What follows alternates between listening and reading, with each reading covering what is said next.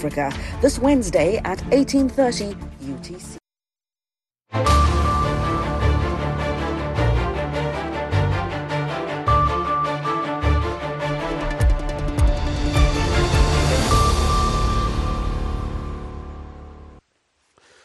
subax wanaagsan dhegeystayaal ku soo dhawaada idaacadda subaxnimo ee laanta afka soomaaliga ee v o a oo si toosa idinkaga imaaneysa washington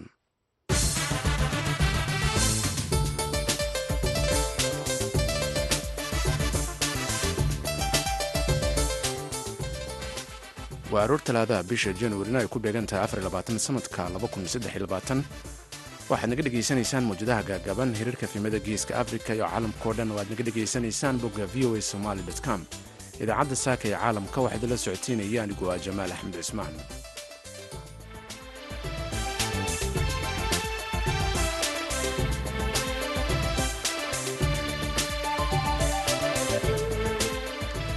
qodobada aad idaacadda saaka ee caalamka ku dhegaysan doontaan waxaa ka mid ah madaxweynaha dalka turkiga rajab deb ordowan oo ku hanjabay in uu swiden ka horjoogsanayo xubinimada neto kadib dibadbaxyo ka dhacay swiden oo kitaabka qur'aanka kariimkaana lagu gubay. Taasi waxa ay keentay in ankara ay baajiso safar uu axadda ku tegi lahaa wasiirka gaashaandhigga swiden ee paul yonson iyagoo ku tilmaamay in safarkaasi uu lumiyey micnihii iyo muhiimaddii sida ay yidhaahdeen waxaad kaloo dhegaysan doontaan rabshado ka dhacay magaalada toronto ee dalka kanada iyo walaaca soomaalida. Magaaladaasi ku dhaqan ayaad maqli doontaan.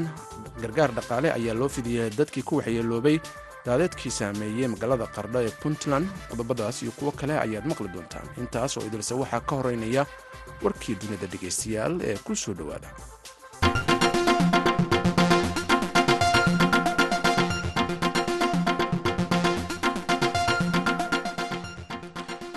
ugu yaraan afar qof ayaa lagu dilay saddex kalena waa la dhaawacay kadib laba toogasho oo ka dhacday half moon bay ee waqooyiga gobolka california. Sida ay sheegtay warbaahinta maraykanka fiidkii isniinta taliska ciidamada degmada san mateo ayaa waxaa bartooda twitter-ka ay ku soo qoreen in xafiiskooda uu ka jawaabayay dhacdo toogashaa oo dad kala gedisan lagu dilay oo ka dhacday agaarka highweyga iyo half moon bay eedeysanaha ayaa la sheegay in la hayo mana jirto wax khatara oo bulshada ku wajahan xilligan ayaa warka intaasi loogu daray.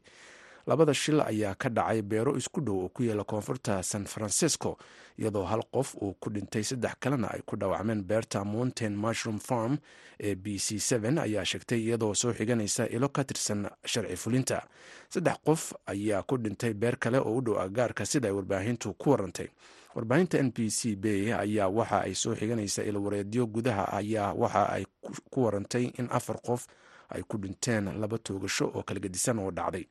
Dhacdooyinkan ayaa imaanaya wax ka yar siddeed iyo afartan saacadood markii nin hubaysan uu kow toban qof ku dilay stuudio qob ka ciyaarka meel ku dhow magaalada los angeles ee isla gobolka california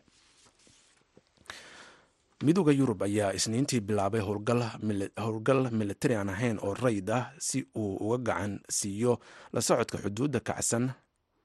Waa midooda yurub ayaa isniintii bilaabay howlgal rayd ah si uu uga gacan geysto la socodka xuduudda kacsan ee armeniya la wadaagto azerbaijan taasoo xoojinaysa doorka ururkaasi oo gobolka uu ku leeyahay xilli kremlinku uu ku mashquulsan yahay dagaalka uu ku hayo wadanka ukraine ay dariska yihiin talabadan ayaa imaaneysa xili dagaalkaasi ee moscow ay u aragto mid mid muddooyinkii ugu dambeeyey dhacaya islamar ahaantaasina ay dhinacyadu isxakameeyaan waa azerbaijan iyo armeniya midooda yurubna waxa uu doonayaa in hadda howlgal militari mid aan ahayn halkaasi laga sameeyo. Brussels waxaay sheegtay inay rajeynayso inay gacan ka geysato xasiloonida aagaarka xuduudda armeniya dhisidda kalsoonida dhulka iyo xaqiijinta jawi ku habboon dadaalada caadiga ah ee ka dhexeeya armeniya iyo azerbaijan sameynta ergada midooda yurub ee armeniya waxa ay bilowday weji cusub oo ku saabsan howlgalka midooda yurub ee koonfurta cocas madaxa siyaasadda arrimaha dibadda joseph borrell ayaa sidaasi yiri hindisahan waxaa codsaday armeniya waxaanuu qayb ka yahay afartan howlgal oo xoogan oo la howlgeliyey laba bilood dabeeqadii sannadkii hore. Howlgalka cusub waxa uu haystaa laba sano oo sharci ah waxaana uu sameyn doonaa roondooyin joogtaha iyo warbixino uu siin doono guddiga si xaaladda halkaasi lala socdo sida lagu yiri warka ka soo baxay midooda yurub. Warkii dunida dhegeystayaal ayaa intaasi ku eg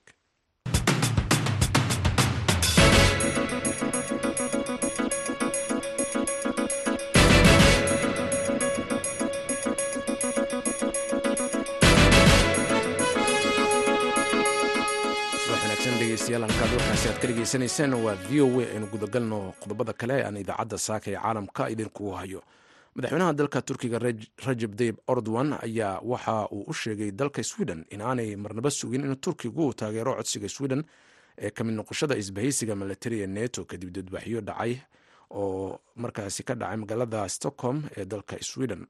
Halkaas oo dibadbaxyada looga soo horjeeday dowladda turkiga iyo sidoo kalena halkaasi waxaa lagu gubay kitaabka qur'aanka kariimka taasoo muslimiin fara badan ay ka careysiisay warbixin arrintan ku saabsan waxaa london ka soo diray wariyaha v o a qaaradda yurub ridwaan xaaji cabdiweli. Sweden waa inaysan marna filanin in turkigu uu taageero u muujiyo in sweden ay ka mid noqoto gaashaanbuurta neto wixii ka dambeeyey markii toddobaadkii hore ay dhaceen dibadbaxyo laga hordhigay safaaradda turkiga uu ku leeyahay magaalada stockholm ee caasimada dalka sweden iyo sidoo kale gubistii kitaabka qur'aanka kariimka. Sidaasi waxaa sheegay isniintii madaxweynaha dalka turkiga rajab tayib erdogan. Erdogan oo sii hadlayey khudbaddii uu isniintii u jeediyey golaha wasiirada ayaa yidhi kuwa ogolaaday cayda iyo xadgudubka lagu horsameeyey safaaraddeena stockholm marna nagama sugi karaan taageeradeenna ku aadan xubinnimada neto wakaalada wararka ee reuters ayaa qortay in dibadbaxyo ka dhacay magaalada stockholm sabtidii ay ahaayeen. Kuwo looga soo horjeeday diidmada turkiga ee ka mid noqoshada sweden isbahaysiga neto intii dibadbaxyadu ay socdeenna waxaa la gubay kitaabka qur'aanka kariimka taas oo horseeday xiisada labada dal oo cirka isku shareerta nin aaminsan afkaarta midigta fog oo lagu magacaabo rasmus balduun oo asal ahaana u dhashay denmark ayaa ku dhaqaaqay falka gubista kitaabka qur'aanka kariimka intii ay banaanbaxyadu socdeen. Ninkan oo sidoo kale haysta dhalashada dalka sweden ayaa dhowr jeer oo hore dhigay dibadbaxyo uu ku gubay kitaabka qur'aanka kariimka. Maxamed xaaji oo ah suxufi ku nool dalka sweden ayaa ii faahfaahinaya khilaafka ka dhex curtay turkiga iyo sweden ridwaan horta labada dal markii hore asal ahaan waxay isku hayeen ku biiritaanka nato ee sweden iyo xitaa finland iyadoo turkigu uu sheegay in ay sweden taageerto kooxaha kurdiga ah ee goosadoonka ah ee loo yaqaano p k k iyo y p g. Kadibna sweden waxa ay wadahadallo la furtay turkiga iyadoo furfurnaan ka muujisay in ay arrintaas wax ka qabanayso walow aanay ilaa iminka tillaabo qaadin. Iyadoo halka ay taagan tahay ayaa waxaa xaaladii iyadoo adigoo xumaa xunkuxun ka sii dhigtay.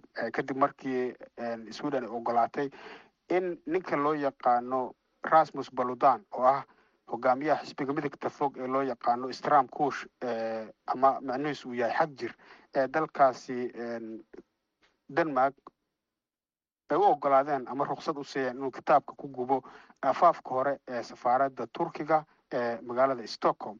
Taasi waxa ay keentay in ankara ay baajiso safar uu axadda ku tegi lahaa wasiirka gaashaandhigga sweden ee paul yonson iyagoo ku tilmaamay in safarkaasi uu lumiyey micnihii iyo muhiimaddii sida ay yidhaahdeen islamarkaana aada u cambaareeyey wax ay ku sheegeen tilaabo fool xun oo ay ka dambayso cunsuriyad iyo midabta koor iyo islaam nacayb oo aan gebi ahaanba la aqbali karin iyagoo muslimiinta xataa ugu baaqay in arrintan ay ka dhiidhiyaan maadaama lagu xadgudbayo kitaabka qur'aanka kariimka. Arrintan xitaa waxaa ka sii horreysay toddobaadkii hore in muuqaal loo ekeysiiyey madaxweynaha turkiga ee rajab tayib erdogan oo isagoo la buufiyey laga soo laalaadiyey xarunta dowladda hoose ee magaalada stockholm. Hadda arrintii waxaa dabcan isku dayaya inay ka daba tagaan dowladda sweden. Wasiirka arrimaha dibadda tobias billstrom ayaa waxa uu sheegay in sweden ay leedahay wax loo yaqaano xorriyadda hadalka. Sidaa darteed se aanay micnaheedu ahayn in dowladda sweden ay raalli ka tahay waxa lagu sameeyey halkaas waxaa sidoo kale hadlay isla wasiirkii gaashaandhigga ee la baajiyey safarkiisa oo isna sheegay in arrintan aanay waxba u dhimi doonin xiriirka labada wadan oo ay isku sii dayi doonaan in ay iska kaashadaan dhinacyada ammaanka iyo waxyaabaha lamidka ah balse sida muuqata arrintu imika ma sahlana dalal dhowr ah oo ay ka mid yihiin sacuudi arabiya jordan iyo kuwait ayaa si weyn u cambaareeyey falkaasi dhacay sweden iyo finland ayaa codsaday sannadkii hore in ay ku biiraan gaashaanbuurta neto kadib markii uu ruush ku qabsaday dalka ukraine balse dhammaan soddonka dal ee xubnaha ka neto waa in ay wada ansixiyaan codsigaasi haddii dal kale uu ku soo biirayo isbahaysiga milatariga.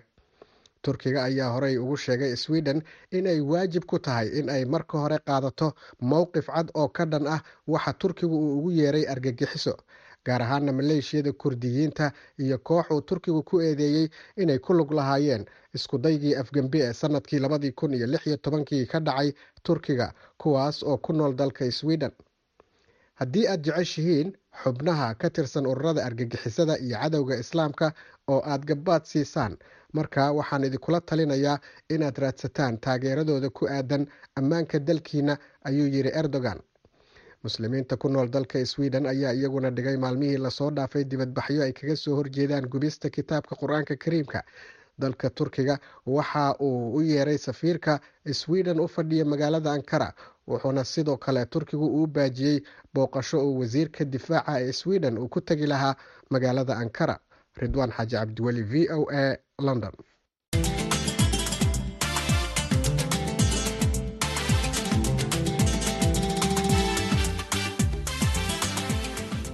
rabshado khalkhalgeliya dadka ku dhaqan magaalada toronto ayaa berihii ugu dambeeyey laga soo sheegayay magaaladaasi. Duqa magaalada toronto ayaa shalay ka hadlay rabshadahaasi ku soo batay magaalada isagoo ballan qaaday inuu wax ka qaban doono walaaca la xiriira arrintan la soo gudboonaatay bulshada magaaladaasi ku dhaqan oo ay soomaalidu ku jirto. Warbixin arrintan la xiriirta waxaa soo diray wariyaha v o a ee dalka kanada ka soo warama xuseen nuur xaaji. Duqa magaalada toronto john tory ayaa isniintii shalay u sheegay warbaahinta gudaha inuu ka walaacsan yahay rabshadaha toddobaadkan ka dhacay magaalada isagoo xusay in sababta uu doonayo in la kordhiyo bajetka boolisku ay tahay sidii wax looga qaban lahaa arrimahan. Jimcihii haweeneyda ah ayaa lagu dhex tuuray waddada taasoo u dhimatay dhaawac soo gaaray. Sabtidii iyo axaddii laba darawal oo kuwa basaska dadweynaha wada ah ayaa la weeraray. Qof ayaa loo xiray mid ka mid a dhacdadaasi. Toddobaadkii u dambeeyey bishii disembar ee sannadkii tegey iyo bilowgii bishan januari dhacdooyin kale oo dad lagu weeraray ayaa ka dhacay magaalada taasoo duqa magaalada uu ka hadlay. John tory duqa magaalada toronto wuxuu tilmaamay in muhiimadoodu ay tahay badqabka dadweynaha. Wuxuu yidhi maanta waxaan ku dhawaaqayaa in bajetka magaalada ee labada kun saddex iyo labaatanka uu muhiimad siinayo maalgelin cusub oo lagu hubinayo badqabka dadweynaha. Mid ka mid a mas'uuliyadeenna waxay tahay ayuu yidhi badqabka bulshadeenna iyo dadka reer toronto.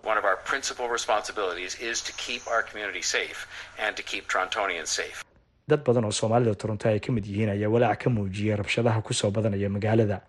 Waa kan farxaan cali jumcaale oo xilli sii horreysay iiga waramayey weeraro lala beegsaday dad isticmaalayay gaadiidka dadweynaha.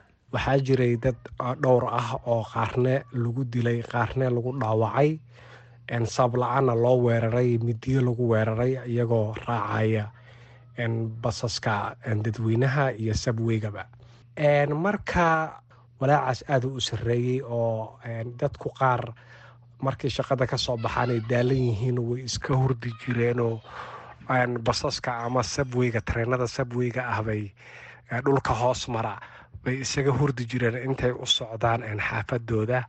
Laakiin maalmahan dambe waxaa weeyaba dadkii walbahaar iyo kurbaa la soo diristo gormaa lagu soo weerari doonaa isleeyihiin duqa magaalada toronto wuxuu tilmaamay inuu ka warhayo walaaca haysta dadweynaha.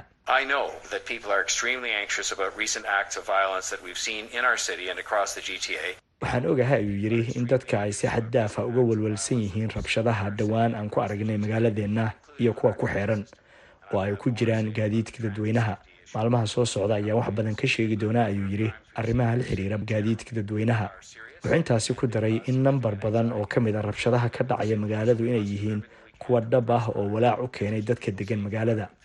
Wuxuu yidhi sidaa darteed waa inaan samaynaa wax walba oo aan awoodno si aan uga hortagno dembiyada oo ay dadka u dareemaan inay yihiin kuwa haysta amni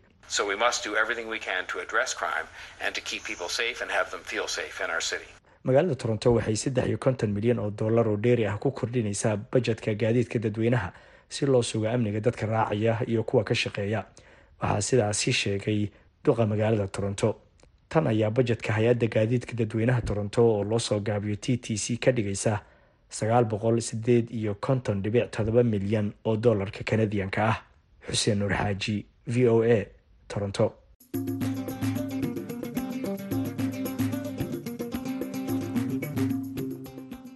guddi u istaagay u gargaaridda dadkii ay hantidooda ku baaba'day daadad ku soo rogmaday magaalada qardho ee puntland.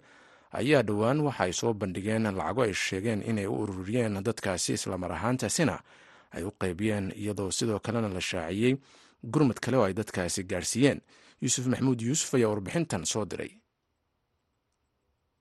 guddiga gurmadka daadadkii ku soo rogmaday magaalada qardho oo u xil saarnaa qiimeynta iyo waxuqabashada dadkii hantidooda ku waayay roobabkii ka da'ay halkaasi ayaa soo bandhigay dhaqaalihii soo gaaray iyo weliba sida loo kala gaarsiiyey dadkii ku waayey daadadkaasi hantidooda. Sheekh fu-aad maxamuud xaaji oo ka mid a guddigii u istaagay waxuqabashada dadkaasi ayaa ka waramay sida wax loogu kala qaybiyey dadkii ay saamaysay daadadkii xoogganaa maadaama ay ahaayeen hooyooyinkii wartada ahaa kuwii caanaha gadayey kuwii sidaa maadaama ay ahaayeen ayaan waxaanu siinay wixii ay sheegteen lixdan iyo laba boqolki xataa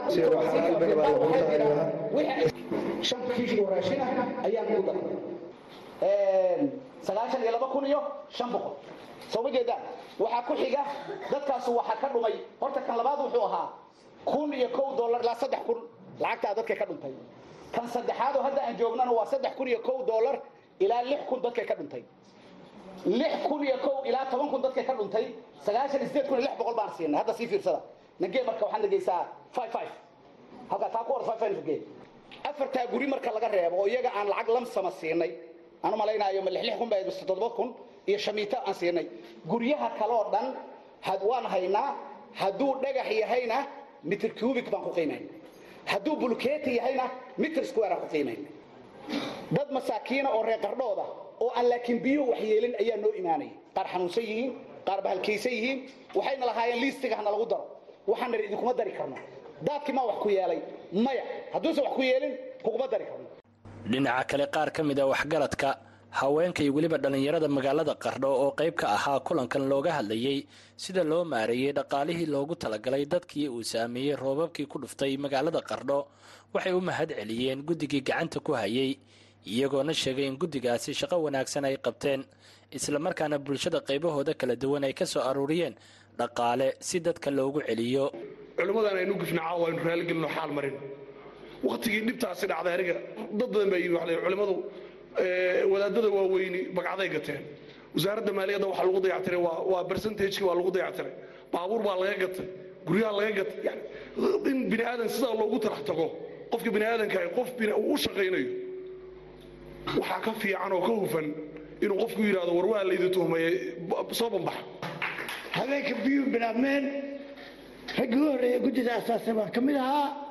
Markii akoon baan furay lacagtaan iska ururinay lixdan kun oo doolar baanu hal asbuuc ku ururin waxaan u mahadcelinay wadaadada culimada shaqada anaga noo hayay wadaadada waxaan leeyahay allaha idin barakayo barake allaha idinku rido. Wixii idin soo maray oo laydin yidhina raalli ahaado dhinaca kale guddoomiyaha degmada qardho cabdiqaadir siciid qaal iyo guddoomiyaha gobolka karkaar cabdi siciid cismaan ayaa madasha ka sheegay in si cadaalad ah loogu qaybiyey dadkii saamaynta ku yeelatay roobabkii islamarkaana hantidooda iyo weliba guryahoodii uu waxyeeleeyey roobabkii xoogganaa. Waxaa ah inay fagaaro intay yimaadaan guud ahaan bulshada reer qardhood dal iyo dibadba ay fariinti gaarsiiyaan iyagoo itus oo itaabsii ah dukumenti kasta fayl kasta iyo wixii ku baxay inay caawa inoo soo bandhigaan aad iyo aad bay u mahadsan yihiin. Aad baan ugu faraxsanahay caawa inaan xafladan ka soo qayb galo. Mugga iyo miisaanka leh ee culimmadu ayna ku tustay waxqabadkii ay qabteen.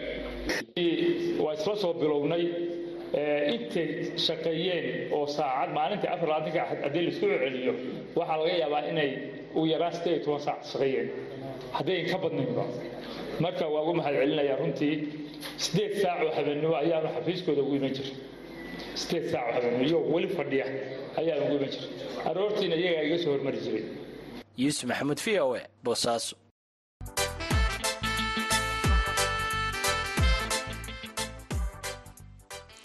subax wanaagsan mar kale dhegeystayaal ardayda dugsiyada sare ee xeryaha qaxootiga dhadhaab ayaa natiijooyin sare ka keenay imtixaanaadka qaran ee dugsiyada sare ee dalka kenya ee la qaaday bishii novembar sannadkii hore ardayda qaxootiga ah oo wax ku bartay duruufo adag agabka waxbarasho ay u helaan oo aad u yar ayaa haddana kaalimaha wax ku oola waxay ka keeneen imtixaanaadkaasi la qaaday sida uu warbixintan ku eegay wariyaha v o a ee xeryaha qaxootiga dhadhaab ee kenya axmed cabdulaahi jaamac axmed deere natiijada soo baxday ee dugsiyada sare ee dalkan kenya ayaa farxad gelisay ardayda qaxootiga ah ee sannadkii hore imtixaanka dugsiyada sare ka samaysay iskuulaadka xeryaha qaxootiga ee dhadhaab waxaana kaalimaha ugu horreeya ee natiijada ka muuqda boqolaal arday qaxooti ah oo wax ku soo bartay duruuf adag iyo nolol qaxootinimo. Iskuulaadka geedi ixya jawaar albushra al amiin jaaraajilla iyo kuwo kale oo dhammaantood ah iskuulaad gaar loo leeyahay ayaa ardaydooda waxay heleen natiijooyin wanaagsan.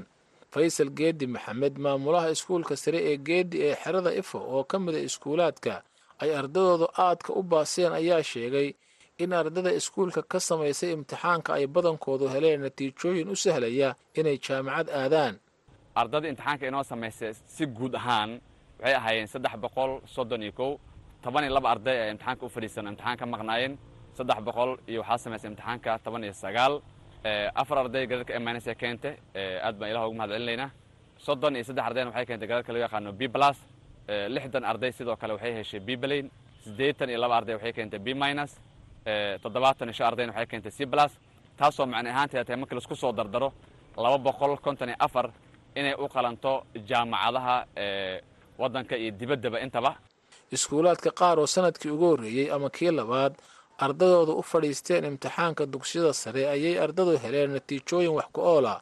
Iskuulka jowhar ee xerada xagardheer oo sannadkii labaad ka qayb galay imtixaanka ayaa ka mida iskuulaadka ardadiisu ay galeen kaalimaha sare sida uu v o e da u sheegay cabdiwahaab xasan maamulaha iskuulka sare ee jowhar sanadkan waxaa ka samaysay boqol sagaashan iyo sagaal arday. Waxaa ugu horreysay saddex arday oo haysatay natiijada a minus. Ardayda haysatay b blaska waa arday ilaa sodomeeyo gaarayso iskuulka mingradekiisa wuxuu ahaa b minus. Sanadkii hore haddii loo fiiriyo sanadkan aad iskuulka wuxuu sameeyey isbeddel aad iyo aad u sarreeyo waayo sannadkii hore ardaygii noogu horreeyey wuxuu haystay gradeka b plain iskuullada xeryaha qaxootiga oo sannadihii dambe aada uga soo muuqanayay kaalimaha hore ee iskuullada ay ardadooda ugu fiican yihiin dhinaca imtixaanka ayaa sanadkanna guulo ka soo hooyay imtixaanka qaran ee dalka kenya cali mukhtaar maxamed maamulaha iskuulka sare ee exyaa ee xerada ifo ayaa sheegay in dhammaan ardayda u gashay imtixaanka ay keeneen natiijo fiican oo farxad gelisay. Natiijada maanta soo baxda waa aad ayaan ugu faraxsannahay. Waxaa imtixaanka nagu fadhiisatay laba boqol labaatan arday. Dhammaantood waxay u heleen nasiib inay u fadhiistaan imtixaanka wax maqan ma jirin. Arday nagu horreeyey wuxuu keenay buundada a mina kan nagu dambeeyana wuxuu keenay buundada loo yaqaano c mina marka aad iyo aad baan ugu faraxsannahay. Kalabar in ka badan iskuulaadka sare iyo dhexe ee xeryaha qaxootiga waa kuwo gaar loo leeyahay. Oo ay xeryaha ka hirgeliyeen dhallinyaro wax ku baratay xeryaha qaxootiga. Albushra waa iskuulkii ugu horreeyey ee gaar loo leeyahay ee laga hirgeliyo xeryaha qaxootiga. Sannadkan ardada ugu badan ayaa ka samaysay imtixaanka dugsiyada sare cabdiweli xuseen maxamed maamulaha guud ee iskuulaadka albushra ayaa sheegay in natiijada ay ardadu heleen ay ahayd sannadkan tii ugu fiicnayd intii ay sameynayeen imtixaanka dugsiyada sare. Maasha allah axmed horta aad baan u xaqiiqatan waxaa noo suubiyey sanadkan saan kuu sheegay laba iskuul baa noo sameysay bushra high school iyo ixsaan secondary school. Waa markii koowaad iskuulka ixsaan imtixaan noo sameynayo waxaa noo sameysay laba boqol iyo soddon iyo shan arday oo ku sameysay bushra iyo boqol iyo konton arday oo ixsaan ku sameysay saddex boqol iyo shan arday waa noo sameeyey imtixaanka qaran u fadhiistay ardaydaas noo sameysay waxaan dhihi karnaa waa sanadihii noogu fiicnaaba sanadkan ka mid b plus waxaa noo keenay afartan iyo saddex arday b plane waxaa noo keenay toddobaatan iyo kow arday b waxaa noo keenay sagaashan iyo laba arday c plus waxaa noo keenay siddeetan iyo toddoba arday c plane waxaa noo keenay konton iyo toddoba arday c minus waxaa noo keenay toddoba arday. Performance noocaas kale marka la fiiriyo in taqriiban laba boqol iyo meeshii saddex boqol iyo siddeetan arday ay ka ahaayeen in laba boqol iyo siddeetan ilaa saddex boqol tiro ku dhow ay c plus ay ka sarreeyaan oo jaamacada ay u qalmaan. Waa max aada u sarreysa. Jaamacadda waddanka c plus baa lagu qaataa. Saddex boqol iyo ziyaado arday baa ka sarreysa c plus oo intii lagu qaadanayay jaamacadaha ah. Qaar ka tirsan ardada kaalimaha ugu horreeya ka galay imtixaanka qaran ee iskuulaadka xeryaha qaxootiga ayaa sheegay inay aada ugu farxeen natiijadii ka soo baxday imtixaankii ay galeen. Magaceyga waxaa la dhahaa cabdulaahi maxamed maxamuud. Waxaan ka sameeyey imtixaankii qaranka ixya high school gareedka a minusaan keenay farxaddii lama soo koobi karo. Waxaa mahadda farxaddeeda mahaddeeda waxaa leh ilaahay koowaad waxaa leh ilaahay. Ilaahay ku mahadinaynaa ilaahayga i siiyey gareerkan wanaagsan. Tan labaad macalimiinteeda oo dadaal badan iyo juhdi badan igu bixiyeen. Midda saddexaadna waxaan waxaan u mahad celinayaa waalidiinteeda oo ka dambeeyey inaan heerkan maanta imaado. Magacayga waa cabdulaahi xasan cali. Iskuulkan geedi secondary school ayaan ku qaatay muddadii ahayd afar sano oo waxbarasho ah alxamdulilah maantana dareenkeyda aad buu u wanaagsan yahay. Farxaddeeda waa meesha ugu dambeysay joogtaa maasha allah waxaan helay dhibac oo u dhigmato toddobaatan iyo shan oo lagu yeerado afka qalaad ee minus. Axmed cabdulaahi jaamac v o a xeryaha dhadhaab. Aad buu mahadsan yahay axmed dhegeystayaal markana ku soo dhowaada wararkii ugu dambeeyey ee ciyaaraha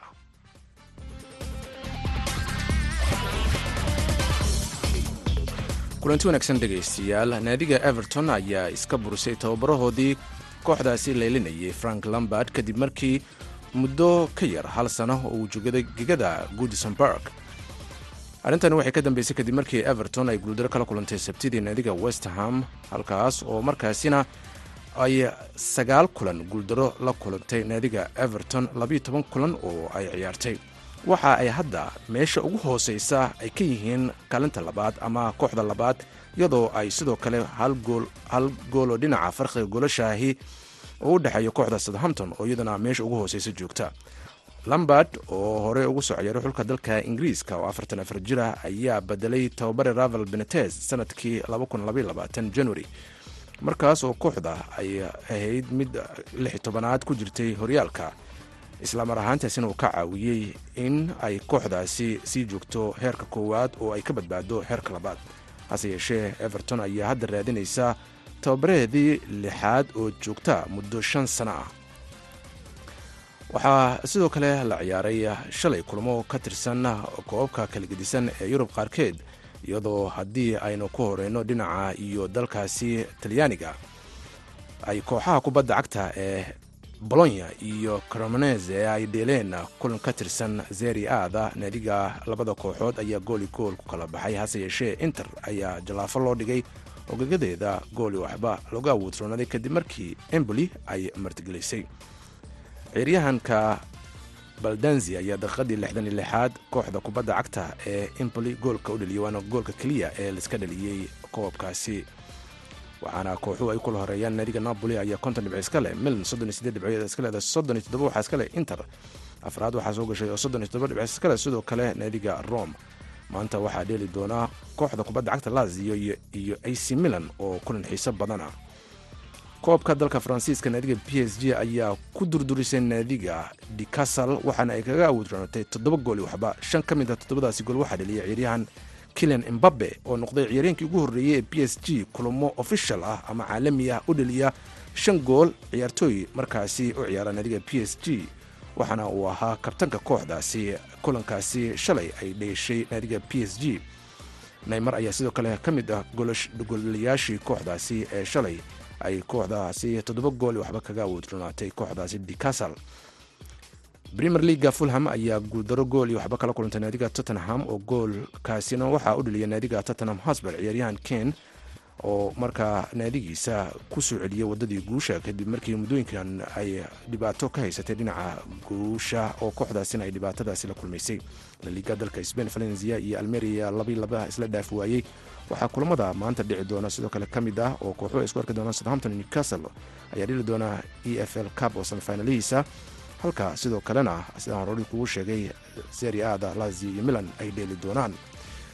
Gabagabadii ayaa ciyaarahaasi intaasi ku eg xubinta ciyaaraha ayaana intaasi ku soo gabagabaynaynaa iyo idaacaddeenii guud ahaanba ee saakaya caalamka anigoo jamaal axmed cismaan idinla socodsiinaya tan kulan daba nabadgelyo